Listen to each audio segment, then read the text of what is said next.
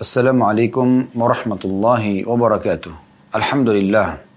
Segala puji dan puja kehadirat Allah subhanahu wa ta'ala atas segala nikmat yang dilimpahkan kepada kita.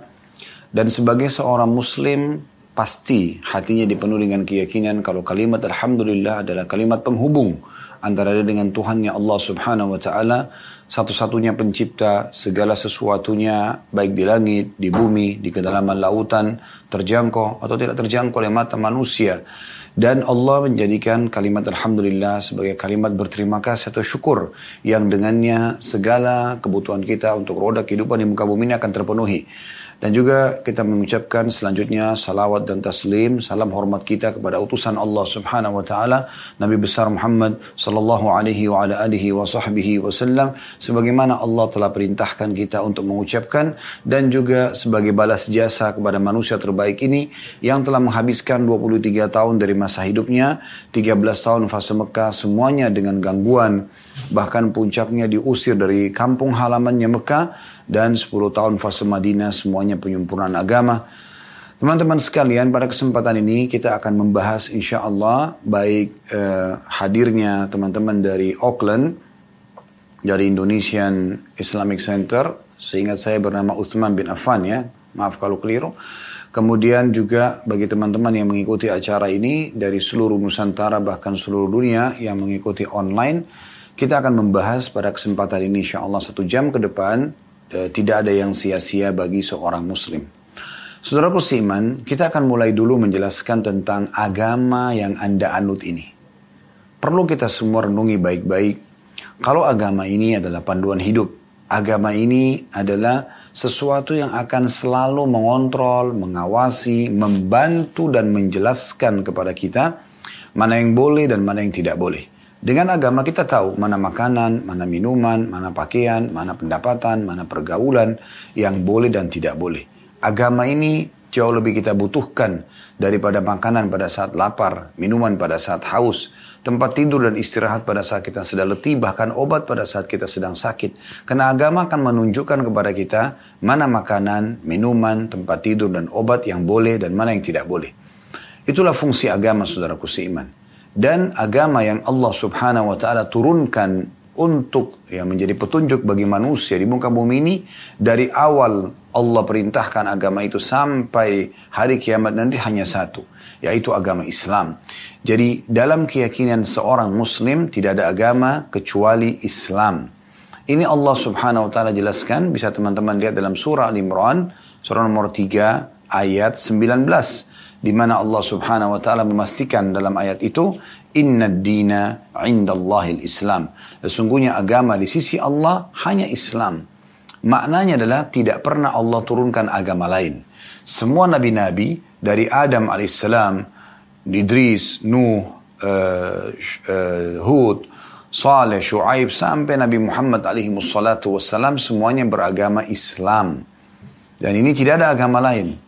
Perbedaan dasar di antara mereka hanya dalam syariat saja atau peraturan-peraturan yang Allah turunkan. Tergantung, terkadang di masa satu rasul ada peraturan yang tidak dibolehkan dan di masa rasul yang lain dibolehkan. Tetapi induk judul agama mereka sama yaitu Islam. Makanya Allah pastikan dalam surat Imran yang akan dibaca oleh orang beriman sampai hari kiamat nanti, Inna dina indallahil Islam. Di ayat 19-nya. Sesungguhnya agama di sisi Allah hanyalah Islam. Lalu Allah perkuat lagi ini, masih surah yang sama surah Al-Imran surah nomor 3 ayat 85-nya. Wa may yabtaghi ghairal islami dinan fala yuqbala min wa huwa fil akhirati minal khasirin. Siapa yang coba-coba memilih selain Islam sebagai agamanya, maka tidak akan diterima darinya.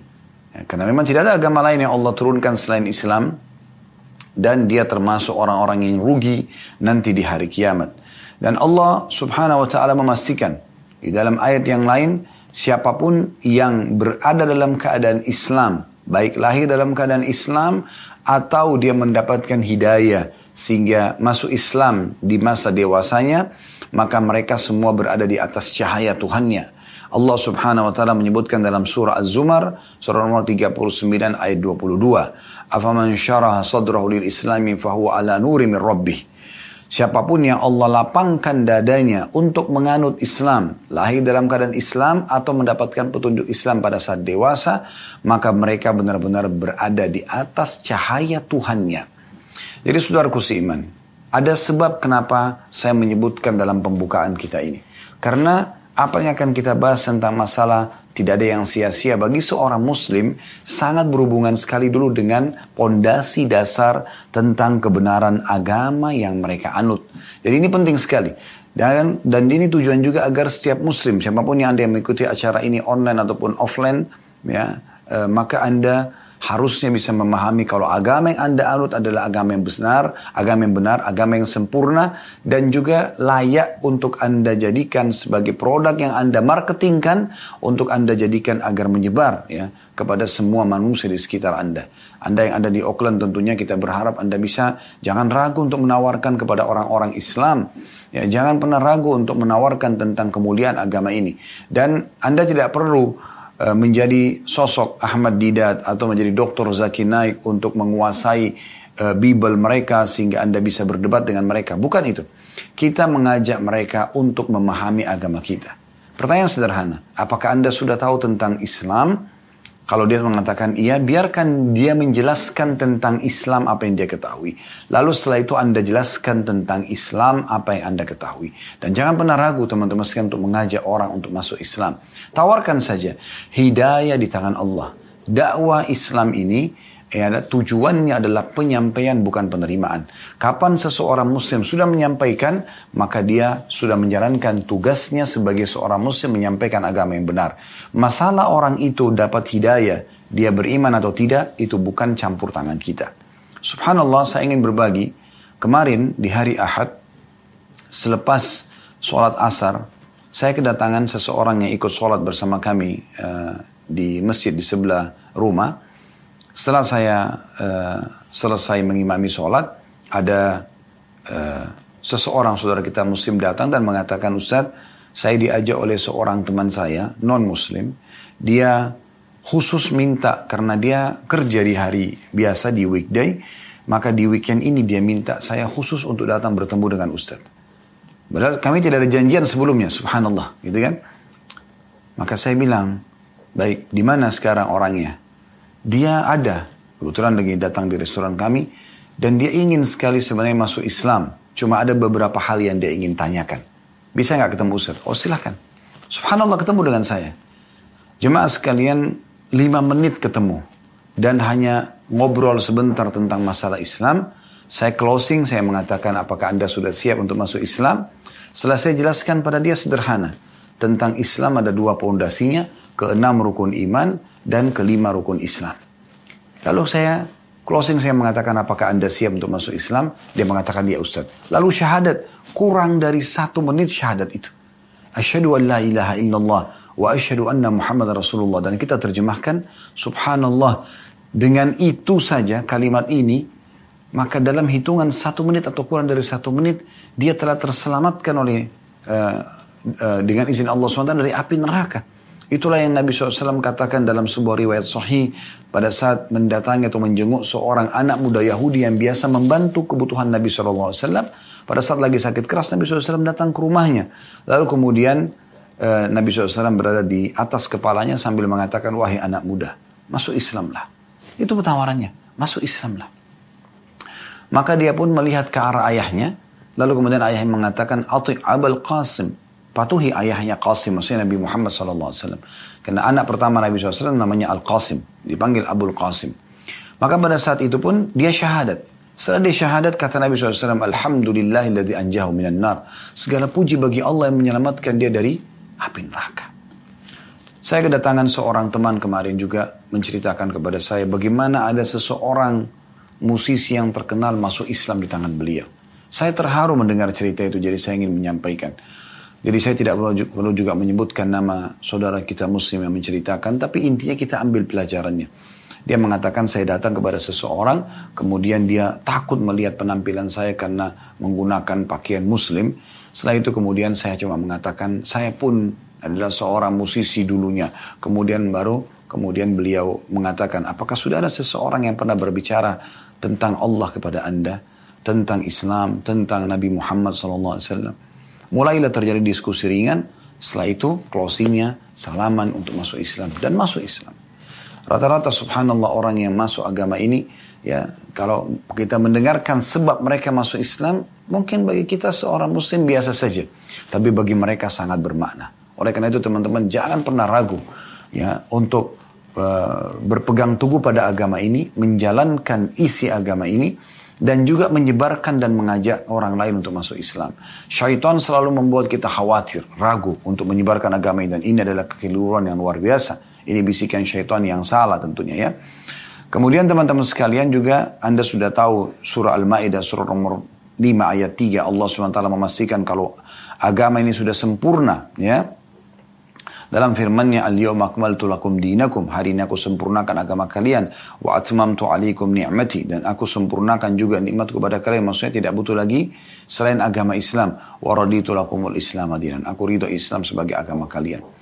Kata Ibnu Abbas radhiyallahu anhu, Allah telah meng, me, um, Allah telah mengabarkan ya kepada ya, nabinya Muhammad SAW dan kepada orang-orang beriman bahwasanya dia telah menyempurnakan Islam bagi mereka sehingga mereka tidak lagi membutuhkan tambahan selamanya.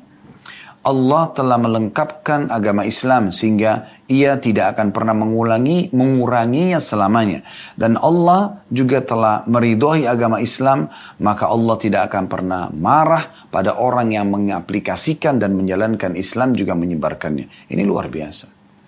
Ajak orang lain masuk Islam teman-teman sekalian sampaikan kepada mereka berita gembira tentang masuk Islam.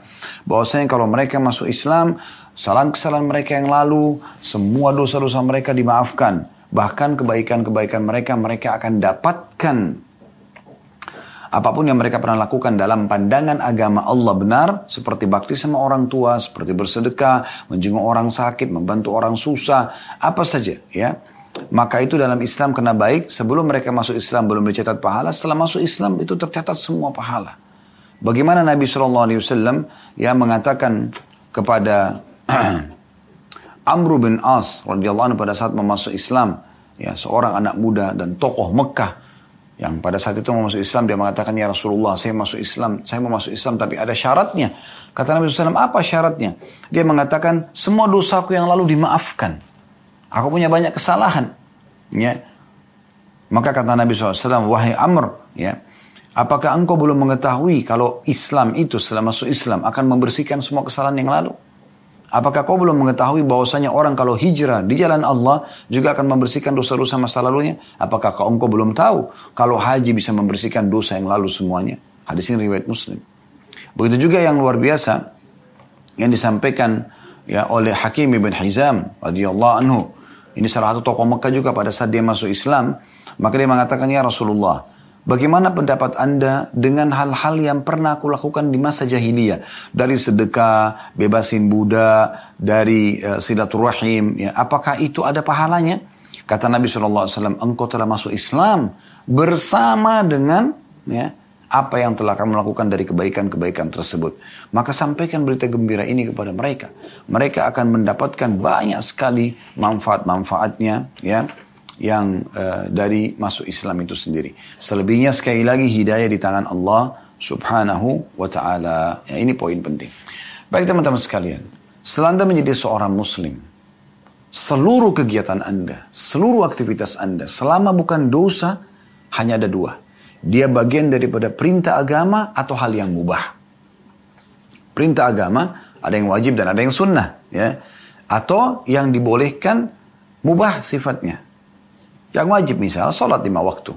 Anda kalau kerjakan, keutamanya terlalu banyak kalau kita ingin sebutkan. Tapi di antaranya kata Nabi SAW, ya, uh, perumpamaan sholat lima waktu adalah seperti sungai yang mengalir dengan sangat deras di depan rumah seseorang di antara kalian yang dia mandi sehari lima kali. Apakah kalian menemukan ada kotoran di badan orang tersebut? Tentu saja tidak. Ya, karena memang sehari mandi lima kali. Begitulah perumpamaan sholat lima waktu. Sholat lima waktu hanya butuh persolatnya lima, 10 menit maksimal. Subuh 10 menit, duhur 10 menit, asar 10 menit, ish, maghrib 10 menit, isya 10 menit. Anda masih punya 23 jam plus 10 menit yang Anda bisa aktivitas yang lainnya. Dan kata Nabi SAW, sholat adalah awal amal yang dihisap hari kiamat. Kalau dia baik, maka beruntunglah orang tersebut. Kalau dia rusak, maka rugilah dia. Ya, dalam riwayat lain dikatakan, sholat itu kalau baik, maka akan membantu amal-amal yang lain. Kalau dia buruk, maka akan mengganggu amal-amal yang lain. Dan kata Nabi SAW, kalau seandainya amal sholat wajibnya itu, ya, kurang, maka Allah berfirman kepada para malaikat, carilah sholat-sholat sunnahnya. Kemudian, ya, uh, sempurnakanlah ya sholat wajibnya yang kurang. Itu luar biasa. Itu yang wajib contohnya. Zakat. Anda hanya harus mengeluarkan setahun sekali. Dengan dua syarat. Haul, masa setahun. 12 bulan. Dan dalam 12 bulan itu selalu stabil nisab Anda atau kadar minimal zakat atau harta Anda. 85 gram emas. Januari 85 gram emas total tabungan dan investasi kita. Tentu dinilai pada saat itu ya berapa nilai gramnya. Uh, nilai 1 gram emasnya. 85 gram emas. Februari sama. Sampai Desember semuanya sama. Satu tahun semuanya sama. Maka di saat itu nanti Anda mengeluarkan 2,5 persen. Dan Anda berikan kepada delapan golongan yang disebutkan dalam Al-Quran. Di antaranya orang fakir dan miskin, para mu'allaf, ya, orang terlilit utang, pembebasan budak. Ya. Kalau seandainya dalam 12 bulan itu, ternyata Misalnya bulan pertama, bulan kedua, bulan ketiga, bulan keempat, bulan kelima, Anda masih stabil 85 gram emas. Ternyata bulan ke-6 atau bulan ke-7, ya, itu turun, harta Anda berkurang dari 85 gram emas. Karena Anda sakit, Anda berobat, bayar rumah sakit misalnya, atau Anda butuh untuk biaya sekolah anak Anda, atau, atau. Maka turun. Di saat itu berarti hitungan haul Anda yang satu tahun batal.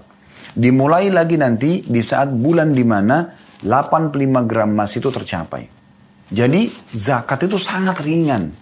Hanya kalau terca, ter, ter, terpenuhi dalam satu tahun 85 gram emas non-stop selama 12 bulan baru Anda keluarkan hanya 2,5 persen.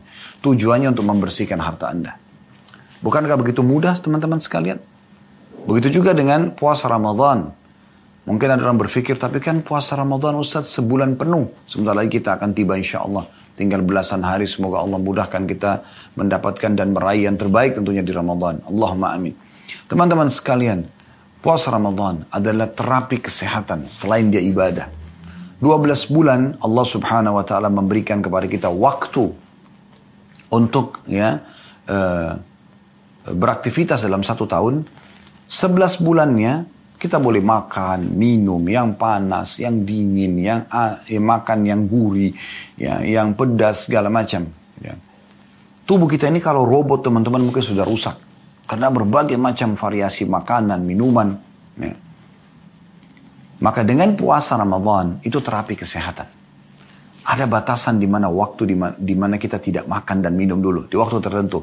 Dan itu justru memang di waktu-waktu yang biasanya kita makan dan mulai pagi sampai malam, sampai maghrib.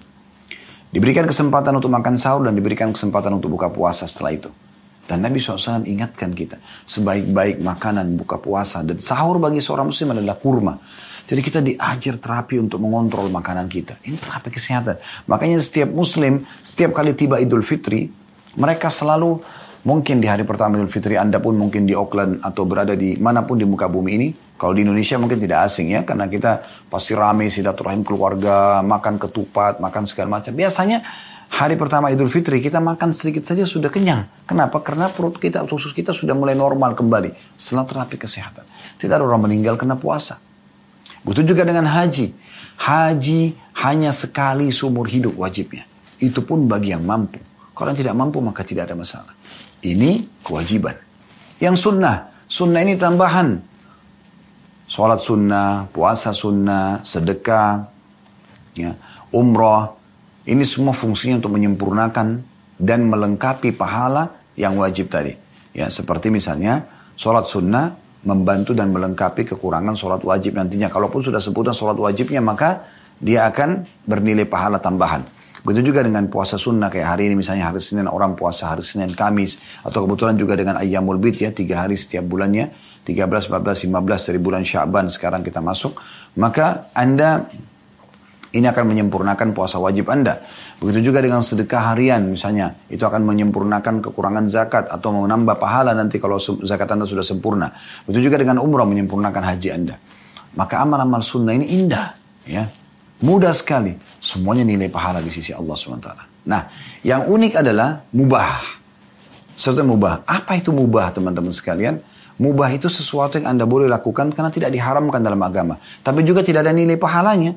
Makan, minum, tidur, mandi misalnya ya. Berolahraga, kan mubah ya. Tetapi yang mubah ini, kata Syekh Abu Bakar Yazai rahimahullah, indahnya Anda menjadi seorang muslim dan tidak ada yang sia-sia. Anda bisa jadi ubah, Anda bisa mengubah sesuatu yang mubah menjadi sunnah. Bagaimana caranya? Supaya ada nilai pahalanya. Bagaimana caranya supaya makan saya, minum saya, mandi saya, tidur saya, berolahraga saya, dan hal-hal yang mubah yang lainnya, itu semua bisa nilai pahala di sisi Allah SWT. Bisa menjadi sunnah. Dengan niat teman-teman sekalian. Dengan niat. Ini luar biasa. Karena niat saja sudah cukup akan membuat Anda panen pahala yang luar biasa. Daripada Anda tidur kosong hanya karena capek, tidur malam hari, selesai. Ya. Kenapa Anda tidak niatkan dalam hati tidur ini untuk memberikan haknya jasad? Allah subhanahu wa ta'ala, pencipta jasad kita ini, memberikan juga sinyal-sinyal ke tubuh kita, di antaranya ngantuk, supaya kita istirahat dan memberikan hak jasad kita. Daripada hanya sekedar tidur, niatkan kalau tidur ini memberikan hak jasad, maka dia berubah dari mubah menjadi sunnah. Begitu juga dengan makan dan minum. Bukan hanya sekedar, ah lapar saya makan, ah haus saya minum. Hanya sekedar menghilangkan rasa lapar dan dahaga. Tetapi niatkan untuk memberikan haknya jasad. Maka ada ada pahalanya. Ya. Karena Nabi SAW berkata kepada sahabat Uthman bin Mad'un, kepada Abu Darda, radhiyallahu anhu dua sahabat ini pernah ada riwayat menyebutkan Nabi SAW menyebutkan jasadmu punya hak ya keluargamu punya hak Tuhanmu punya hak jadi ini punya hak ada pahalanya semua kalau diberikan haknya ya gitu begitu juga pada saat mandi Bukan hanya sekedar menghilangkan gerah, tetapi bagaimana memberikan hak jasad karena Allah subhanahu wa ta'ala pencipta jasad ini memberikan kita rasa gerah. Dan memberikan kita rasa segar pada saat kita selesai mandi. Tujuannya untuk itu. Bagaimana supaya kita selalu menjaga jasad ini. Kenapa jenazah pun dimandikan? Padahal sebentar lagi masuk ke tanah, dikena tanah, gitu kan? Kalau kita tahu kalau masih hidup ini, kalau sebentar lagi kita akan kena lumpur, kena tanah, mungkin kita pikir nanti aja mandinya. Tapi subhanallah berbeda. Karena kita memberikan hak jasad tersebut. Begitu juga dengan berolahraga, bukan hanya sekedar oh supaya ya eh, saya punya keterampilan misalnya. Enggak. Tapi bagaimana kita memang memberikan hak jasad karena Allah Subhanahu wa taala memberikan orang yang suka olahraga lebih segar, lebih fresh ya. Tujuannya untuk itu supaya kita selalu memberikan olahraga atau melakukan hak badan dengan olahraga. Tentu pada hal-hal yang tidak diharamkan olahraganya ya. Nah ini akan berubah menjadi mubah menjadi sunnah. Ini luar biasa nih, ya. Dan yang tidak kalah pentingnya teman-teman sekalian hadis yang luar biasa. Hadis ini sering kali saya ulangi dalam diri saya sendiri dan saya juga sering mengucapkan di pengajian dan saya juga minta atau berharap teman-teman bisa merenungi hadis ini. Tentu kalau Anda sudah pernah dengar, alhamdulillah ini pengulangan. Kalau Anda belum pernah dengar, maka ini menguatkan dan menambah informasi buat Anda. Hadis Ibnu Abbas, hadis Ibnu Abbas radhiyallahu anhu yang beliau mengatakan bahwasanya Nabi SAW ber, e, menyampaikan tentang wahyu dari Tuhannya. Ini hadis Qudsi. Ya. Fima yarwi an rabbihi tabaraka wa ta'ala. Nabi SAW meriwayatkan dari Tuhannya yang maha berkah dan maha tinggi. Qala. Ya, ber, yang berbunyi, Inna Allah katabal hasanati was sayyiat, thumma bayyana dhalik. Sesungguhnya Allah telah mencatatkan dan menentukan semua balasan-balasan kebaikan dan juga dosa-dosa. Dan menjelaskan itu. Faman hamma bihasanatin falam ya'malha katabaha Allahu indahu hasanatun kamila ya atau hasanatan kamila. Siapa yang baru niat ingin mengerjakan satu perbuatan baik, baru niat mau mengerjakan amal baik, baru niat mau bakti sama orang tua, via telepon kah misalnya, via WA kah, atau datang langsung ke rumahnya, baru niat ingin menjenguk orang sakit, baru niat ingin kalau bertemu dengan orang miskin bersedekah, baru niat nanti kalau uh, uh, melihat kemungkaran dipungkiri, baru niat nanti kalau azan mau mampir sholat di masjid, baru niat bila ada kesempatan di kereta api, di bus, di angkutan umum, di kesempatan-kesempatan uh, lagi antri misalnya mau bayar sesuatu sambil baca ayat Al-Quran, baru niat menyempurnakan zikir pagi petang misalnya. Niat-niat, baru niat, belum dikerjakan.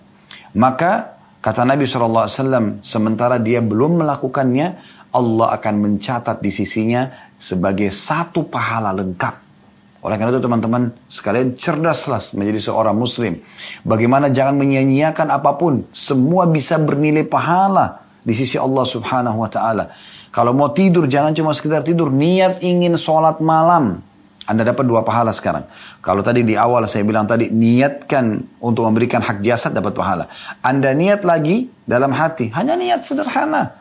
Ingin nanti kalau tidur, insya Allah tengah malam bangun ingin sholat tahajud. Dapat pahala sholat tahajud. Daripada Anda tidur kosong, Anda bisa dapat pahala dua sekaligus. Kata dicatatkan sisi Allah pahala lengkap. Apa kata Nabi SAW? Ya. Wa in hamma biha, kalau dia niat untuk mengerjakan amal baik itu. Fa'amilaha. Lalu dia kerjakan.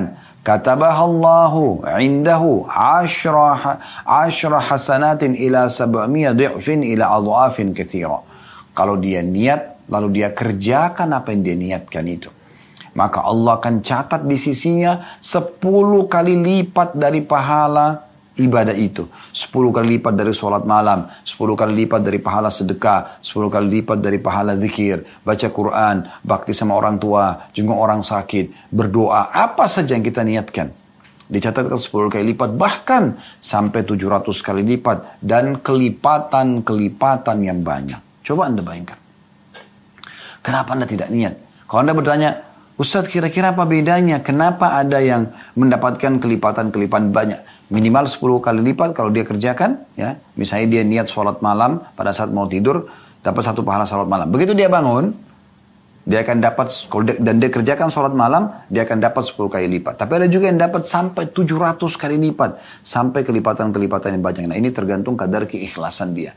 Tergantung tentang uh, kualitas daripada sholatnya kuantitas dan kualitasnya. Maka ini semua akan memberikan ekstra tambahan pahala maka selalu ikutkan dengan niat. Lanjutan hadisnya. Kata Nabi SAW, wa in hamma bisayyi'atin. Dan kalau seseorang niat mau ngerjain dosa, mau zina, mau bohong, mau menipu, mau memukul, mau membunuh, apa saja dari keburukan. Falam ya'malha. Lalu dia batalkan. Dia tahu ini dosa, nggak mau. Dia batalkan, saya nggak mau. Katabahallahu indahu hasanatan kamilah maka Allah akan catatkan baginya satu pahala lengkap. Pembatalan terhadap niat buruk akan mendatangkan pahala lengkap. Wa in hamma biha, kalau dia berniat, fa'amilaha, lalu dia kerjakan dosa tersebut, katabahallahu sayyi'atan wahida. Allah hanya catatkan baginya satu dosa saja. Ini luar biasa ini. Ini luar biasa. Hadis ini sahih diriwayatkan oleh Bukhari, ya. Bagaimana kalau kita niat untuk mengerjakan kebaikan, maka akan mendapatkan pahalanya walaupun belum dikerjakan. Kalau kita sudah kerjakan 10 kali lipat, sampai 700 kali lipat, sampai kelipatan-kelipatan yang banyak. Niat buat dosa, dibatalin karena Allah, dapat satu pahala. Dikerjakan hanya dicatatkan satu dosa saja. Perhatikan hadis yang lain. Kata Nabi SAW, Innamad dunyatu li arba'ati nafar. Dunia ini ada tergolong atau ada empat golongan manusia. Abdun razakahullahu malan wa ilma. Seorang hamba yang Allah karuniahi harta dan ilmu. Fahuwa yattaki fihi rabbah. Dan dia takut kepada Allah terhadap harta dan ilmu tersebut. Wa yasilu fihi rahimah dia melanjutkan hubungan silaturahim. Dengan harta itu dia bantu orang keluarganya. Dengan ilmu dia bersilaturahim termotivasi untuk mendatangi kerabatnya misalnya. Wa ya'lamu lillahi fi haqqa. Dan dia tahu ada haknya Allah di situ. Dia harus ikhlas. Ya, dia harus tahu dalam harta itu sumbernya harus halal. Dikeluarkan juga pada yang halal. Ya, ilmu juga dia harus belajari dengan ikhlas supaya ada keberkahan dan ajarkan kepada orang lain. Fahada ya bi afdalil manazil. Ini manusia yang paling baik kedudukannya. Oleh karena itu teman-teman amalkan doa. Saya selalu coba mengamalkan ini. Semoga Allah ikhlaskan niat. Ini hanya ingin karena ingin berbagi saya sampaikan ya. Selalu berdoa, ya Allah karuniakan aku ilmu dan harta. Dan mudahkan hambamu ini untuk menghabiskan keduanya di jalanmu. Untuk bertakwa kepadamu pada keduanya gitu ya. Jadi harta sumbernya halal, kita memberikan hak Allah di situ, ya dengan zakat, dengan sedekah, memberikan hak makhluk, dan juga ilmu kita menuntut dengan ikhlas, serta juga kita ya menjadikan sebagai pegangan hidup kita, pengontrol terhadap hidup kita. Kemudian kata Nabi SAW, wa abdun razaqahullahu ilman walam yarzukhu malan. Dan golongan kedua adalah seseorang yang Allah berikan kepada dia ilmu, tahu ilmu agama. Tapi Allah belum berikan dia harta. Fahuwa sadikun niyah. Dan dia ikhlas, tulus dengan niatnya. Yaqul, dalam niatnya dia berkata antara dia sama Tuhannya dalam hatinya. Lau anna li malan la'amiltu bi'amali fulanin. Kalau seandainya aku betul-betul Allah berikan harta seperti si fulan, golongan pertama tadi. Karena golongan pertama, hartanya habis dibangunkan masjid, rumah anak yatim, bantu orang susah, sebarin Al-Quran, hajikan dan umrohkan orang, dan seterusnya. Maka golongan kedua tahu ilmunya tapi dia nggak punya hartanya dia cuma lihat depan mata ini orang sibuk bangun masjid, orang itu sibuk bantu anak yatim, bantu janda-janda dan seterusnya. Maka dia dengan niatnya tulus dalam hati dia mengatakan ya Allah kalau seandainya engkau memberikan aku seperti orang ini. Persis gitu, sama. Harta juga. Aku akan buat yang sama. Tapi betul-betul tulus ya. Ada dua syaratnya. Dia tulus ya, karena mengharapkan pahala dan yang kedua memang dia belum punya kemampuan harta itu. Jangan orang kaya lalu mengatakan saya niat saja nggak bisa. Di sini memang betul-betul dia tidak mampu karena cuma diberikan ilmu tanpa harta. Maka dia mengatakan ya Lau anna li malan la amiltu bi amali fulan. Kalau saya punya harta saya akan buat seperti si fulan. Fahuwa biniyatihi fa ajruhu ma sawa. Dengan niatnya ini maka dia akan dapat pahala yang sama dengan golongan yang pertama. Coba luar biasanya gitu. Ya. Begitu luar biasa, tidak ada yang sia-sia bagi seorang muslim. Orang lain pun berbuat baik, kita masih bisa raih pahala bersama dia. Teman-teman sekalian, coba lebih cerdas dalam memahami poin ini. Maaf, saya bukan mengatakan tidak jelas, tapi saya mengatakan lebih cerdas lagi. Ya.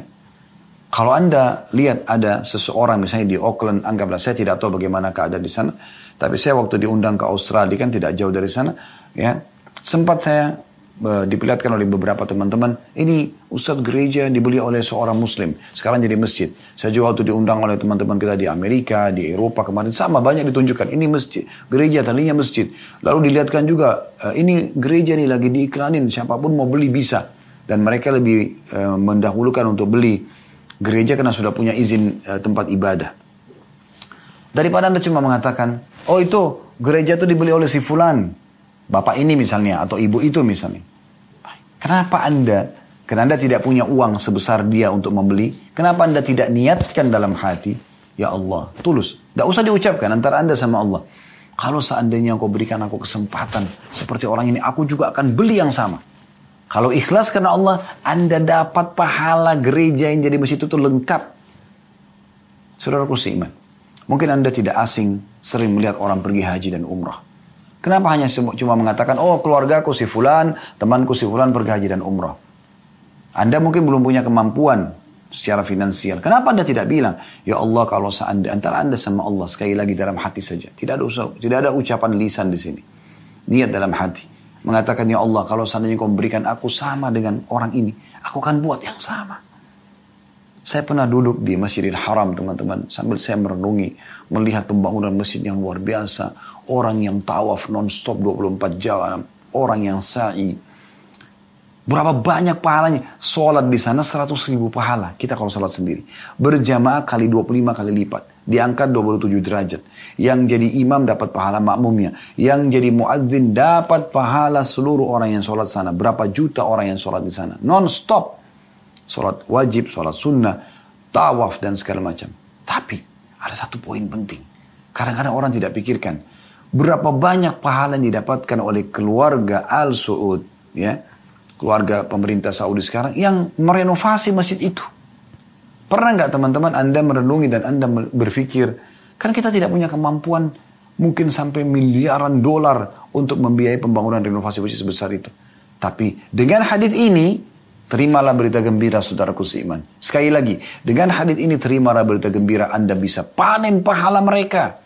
Kalau Anda ikhlas dalam hati mengatakan, Ya Allah, kalau seandainya engkau memberikan aku kesempatan seperti mereka, aku akan buat yang sama. Lihat proyek-proyek sosial yang besar di muka bumi yang sudah dikerjakan oleh saudara-saudara kita muslim. Anda tidak punya kemampuan, niatkan. Niatkan. Bahkan bukan mustahil sesuatu yang sudah berlalu pun Anda masih bisa mendapatkan pahalanya. Allah maha luas rahmatnya. Saya kadang-kadang kalau melewati lokasi perang Uhud, sambil menjelaskan kepada jemaah, sambil saya merenungi. Subhanallah, takdir Allah subhanahu wa ta'ala saya lahir di masa sekarang. Saya tidak bisa hidup di masa Nabi SAW. Apakah peluang pahala Uhud, pahala Badr, pahala Hunain, Fathi Makkah, Khaybar, ya, kemudian uh, Tabuk, semua akan hanya sebagai kenangan sejarah saja atau masih ada peluang saya ikut serta berpahala bersama mereka?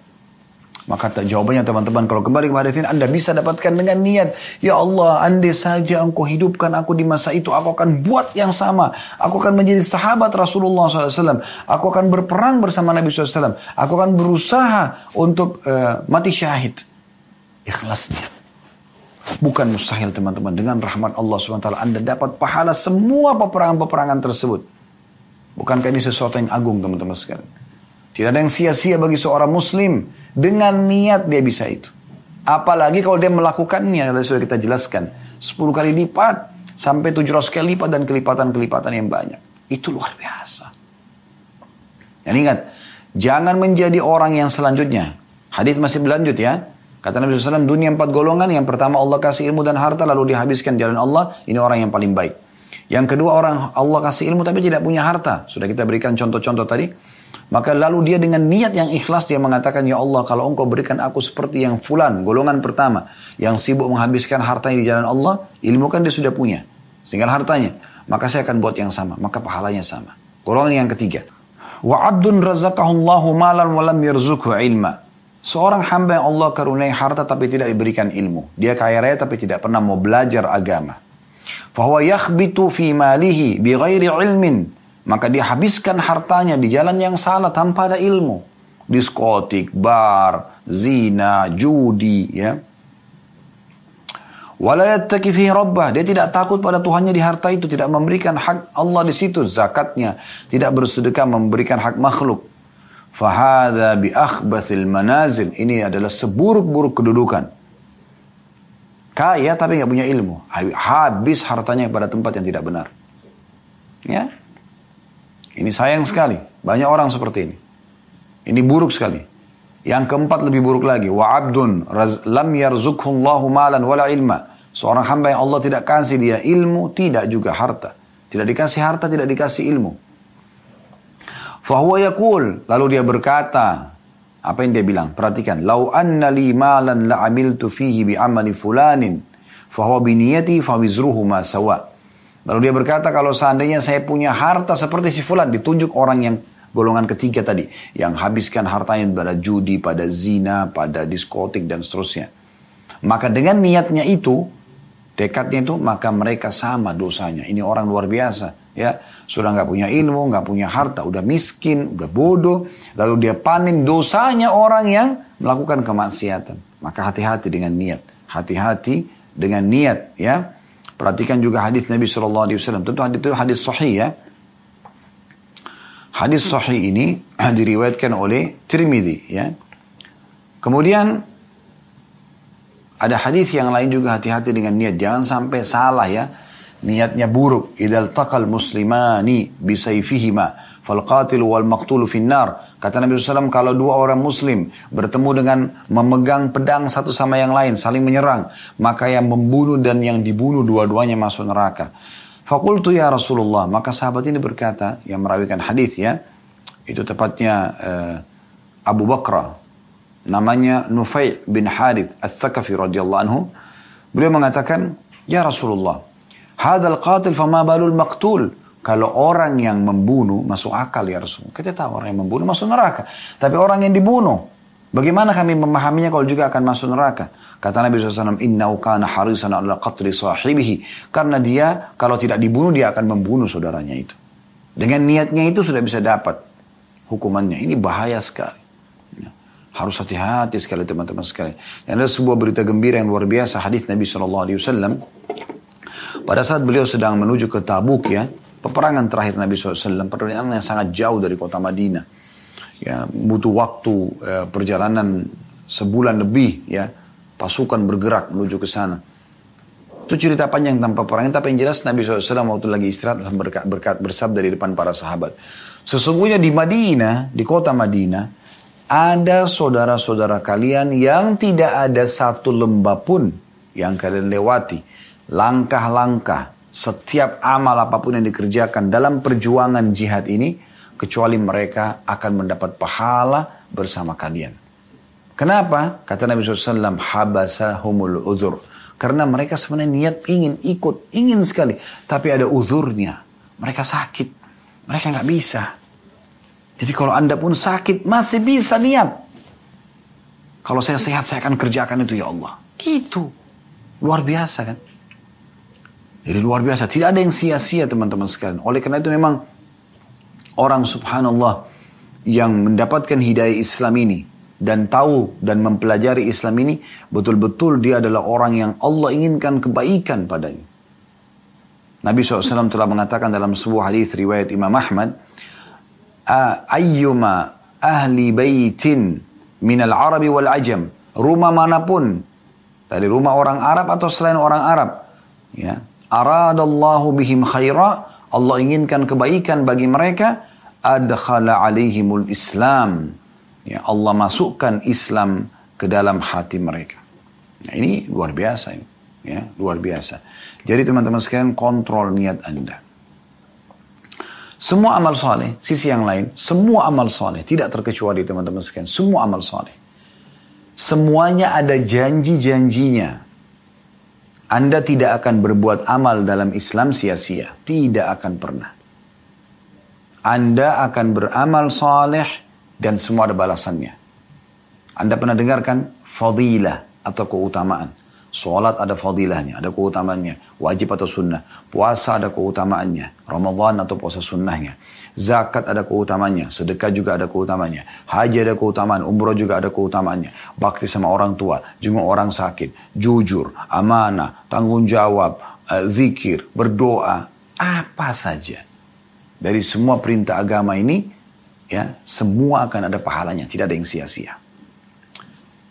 Semua dosa yang Anda kerjakan, dari satu sisi, semua dosa yang Anda kerjakan, ada hukumannya tentunya. Selama Anda tidak taubat. Tapi ada satu resep. Di saat Anda buat dosa dan Anda taubat, perhatikan ya, dosa-dosa itu bisa dimaafkan semuanya. Nabi SAW mengatakan, At-taubat tajubu maqoblaha. Taubat akan membersihkan semua kesalahan masa lalu. Sebesar apa pun kesalahan Anda.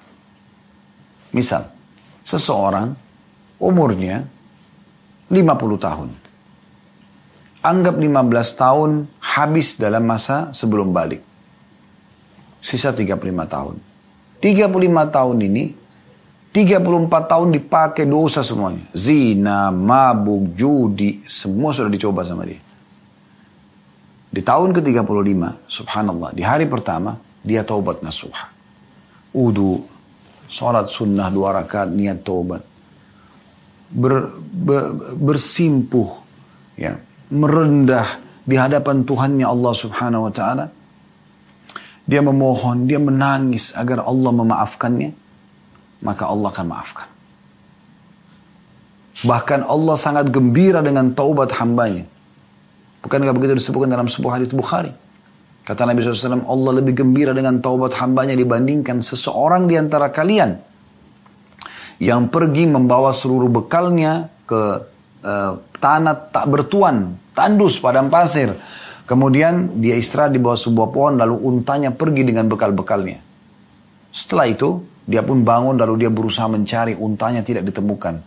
Pada saat dia sudah putus asa, dia berkata pada dirinya sendiri, saya coba kembali ke pohon tadi, tidur semoga saya tidak bangun lagi. Sudah, meninggal. Pada saat dia tidur dan dia terbangun, dia temukan ternyata untanya dengan bekalnya semuanya ada. Bagaimana gembiranya orang itu? Allah lebih gembira dengan taubat hamba daripada hamba tersebut menemukan bekalnya. Apa yang lebih mulia daripada ini teman-teman sekalian? setelah kita melanggar, membuat segala macam kesalahan, Allah subhanahu wa ta'ala masih memaafkan. Anda kalau kerja di perusahaan, ya, Anda buat satu pelanggaran, Anda mungkin dapat SP, surat peringatan kalau di Indonesia biasa dikatakan ya. Satu, ada SP2, ada SP3, mungkin Anda setelah itu di PHK, nama Anda rusak. Anda melamar di mana pun mungkin tidak terima. Apalagi kalau Anda mau kembali ke perusahaan yang sama. Tidak bisa. Tapi Allah subhanahu wa ta'ala berbeda. Subhanallah. Allah subhanahu wa ta'ala akan menerima taubat hamba-hambanya. Allah akan membersihkan semua yang lalu. Dan Islam mengajarkan kepada kita untuk tidak akan pernah membahas masa lalu orang. Umar bin Khattab dulu pemabuk suka mem mem memukul kaum muslimin. Tapi setelah taubat Allah memerintahkan umat Islam untuk mengenang sekarang ke depannya. Apa kiprah dia setelah sekarang? Itulah yang dinilai. Setelah taubat ke depannya itulah yang dinilai. Islam tidak pernah mengorek-ngorek masa lalu orang. Bahkan anjurannya agar menutupi masa lalu kita tidak perlu kita ekspos. Begitu luar biasa Islam teman-teman sekalian. Lalu apa yang membuat anda ini ragu untuk terus mempelajari Islam, untuk terus ya lebih uh, apa namanya uh, menyebarkan Islam, menawarkan kepada orang lain, gitu kan? Dan orang kalau menjadi Muslim yang benar, dia akan sangat luar biasa baiknya. Asal anda jalankan Islam ya. Perhatikan sabda Nabi SAW. Renungi ini dan jadikan sebagai prinsip hidup. Kata Nabi SAW, Al-mu'minu ya'lafu wa yu'laf. Ya. Orang-orang mukmin itu ya, bisa diterima dan bisa menerima orang lain. Wala khaira fiman la ya'laf wa la yu'laf dan tidak akan dinilai orang itu baik kalau dia tidak bisa menerima atau bisa diterima oleh orang lain. Wa khairun nasi anfa'um nas dan paling baik ya di kalangan manusia adalah yang paling bermanfaat bagi orang lain.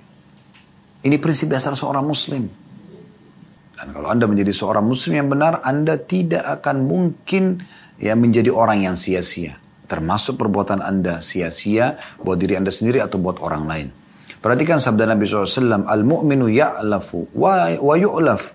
Orang mukmin itu bisa menerima dan juga bisa ya diterima. Wala khaira fi man la ya'laf wa la yu'laf. Dan tidak ada kebaikan bagi orang yang tidak bisa diterima ataupun menerima. Ya. Wa khairun nas anfa'um nas. Dan orang yang paling baik dan antara muslimin yang paling bermanfaat bagi orang lain. Dan memang orang muslim itu selalu bermanfaat selalu memberikan manfaat. Boleh nggak saya silaturahim atau bakti sama orang tua yang non muslim? Boleh. Bahkan wajib Anda bakti sama orang tua Anda non muslim. Boleh nggak saya silaturahim dengan keluarga non muslim? Wajib Anda silaturahim dengan mereka. Boleh nggak saya bertetangga, berteman, partner bisnis dengan orang non muslim? Boleh. Yang tidak boleh hanya satu, mendukung ibadah mereka saja. Itu saja. Kalau sudah ibadah mereka ya sudah lakum dinukum waliyadin. Ya, Kan kuliah al-kafirun jelas ya, surah al-kafirun. Kuliah ya al-kafirun, katakan hai orang kafir, la abudu ma ta'budun. Saya tidak akan ikut apa yang kalian sembah ya. Wala antum abuduna ma'bud. Kalian juga tidak usah ikut-ikutan apa yang saya sembah. Tidak usah ikut-ikut ritual ya gitu. Ibadah. Diulangi lagi, wala ana abidun ma'abadtum. Saya tidak akan ikut-ikutan apa yang kalian sembah. Wala antum abuduna ma'bud. Kalian juga tidak usah ikutan apa yang saya sembah. Lakum dinukum adin. Kalian punya agama dan saya juga punya agama. Tapi selain daripada ini dianjurkan. Dalam riwayat lain kata Nabi SAW, khairun nas anfa'um nas. Ya. Sesungguhnya manusia yang paling baik adalah yang paling bermanfaat bagi manusia yang lain. Perhatikan ya. Bagaimana Nabi SAW menjelaskan rinciannya. Wa habbul a'mali ilallahi ta'ala. Dan ketahuilah bahwasanya amal yang paling dicintai oleh Allah subhanahu wa ta'ala ya adalah sururun tudkhiluhu ala muslim, rasa gembira yang kau masukkan ke dalam hati seorang muslim, anhu kurba, atau engkau menghilangkan kesulitan darinya, anhu dainan, atau engkau melunasi utangnya, anhu ju'an, atau engkau menghilangkan rasa laparnya, wala an amshi ma akhi fi hajatin. Dan kata Nabi SAW aku jalan untuk memenuhi satu hajat saudaraku Apa pun sifatnya itu, menunjukkan alamat, menemani ke satu pasar atau toko untuk belanja misalnya. Wala wala an amshi ma akhin fi hajatin ahabbu ilayya min an a'takifa fi hadzal masjid yani masjid Madinah syahra. Aku memenuhi satu hajat saudaraku muslim yang aku cinta daripada iktikaf di masjid ini maksudnya Masjid Nabawi selama satu bulan. Luar biasa pahalanya iktikaf di Masjid Nabawi satu bulan gitu kan. Tapi ini subhanallah bisa ya didapatkan dengan memenuhi hajat seseorang muslim. Sebagai penutup teman-teman sekalian, sabda Nabi Shallallahu Alaihi Wasallam ini menandakan tidak ada yang sia-sia bagi seorang muslim, yaitu hadis sahih riwayat muslim, la tahkiran minal ma'rufi syai'a. Jangan kalian pelit-pelit, jangan perhitungan dengan satu kebaikan, walaupun kecil di mata kita. Lalu Nabi SAW berikan gambaran hal yang paling ringan, yang paling kecil. Walau antalqa akhaka biwajhin talq. Walaupun kau harus bertemu dengan saudaramu dengan wajah senyum. Nah ini perbuatan yang luar biasa sederhana. Tapi akan bernilai pahala di sisi Allah subhanahu wa ta'ala. Kalau benar dari Allah, kalau dasar dari saya mohon dimaafkan. Subhanakallah bihamdika. Asyadu an la ilaha illa anta astaghfiruka wa atubu ilaik. Wassalamualaikum warahmatullahi wabarakatuh.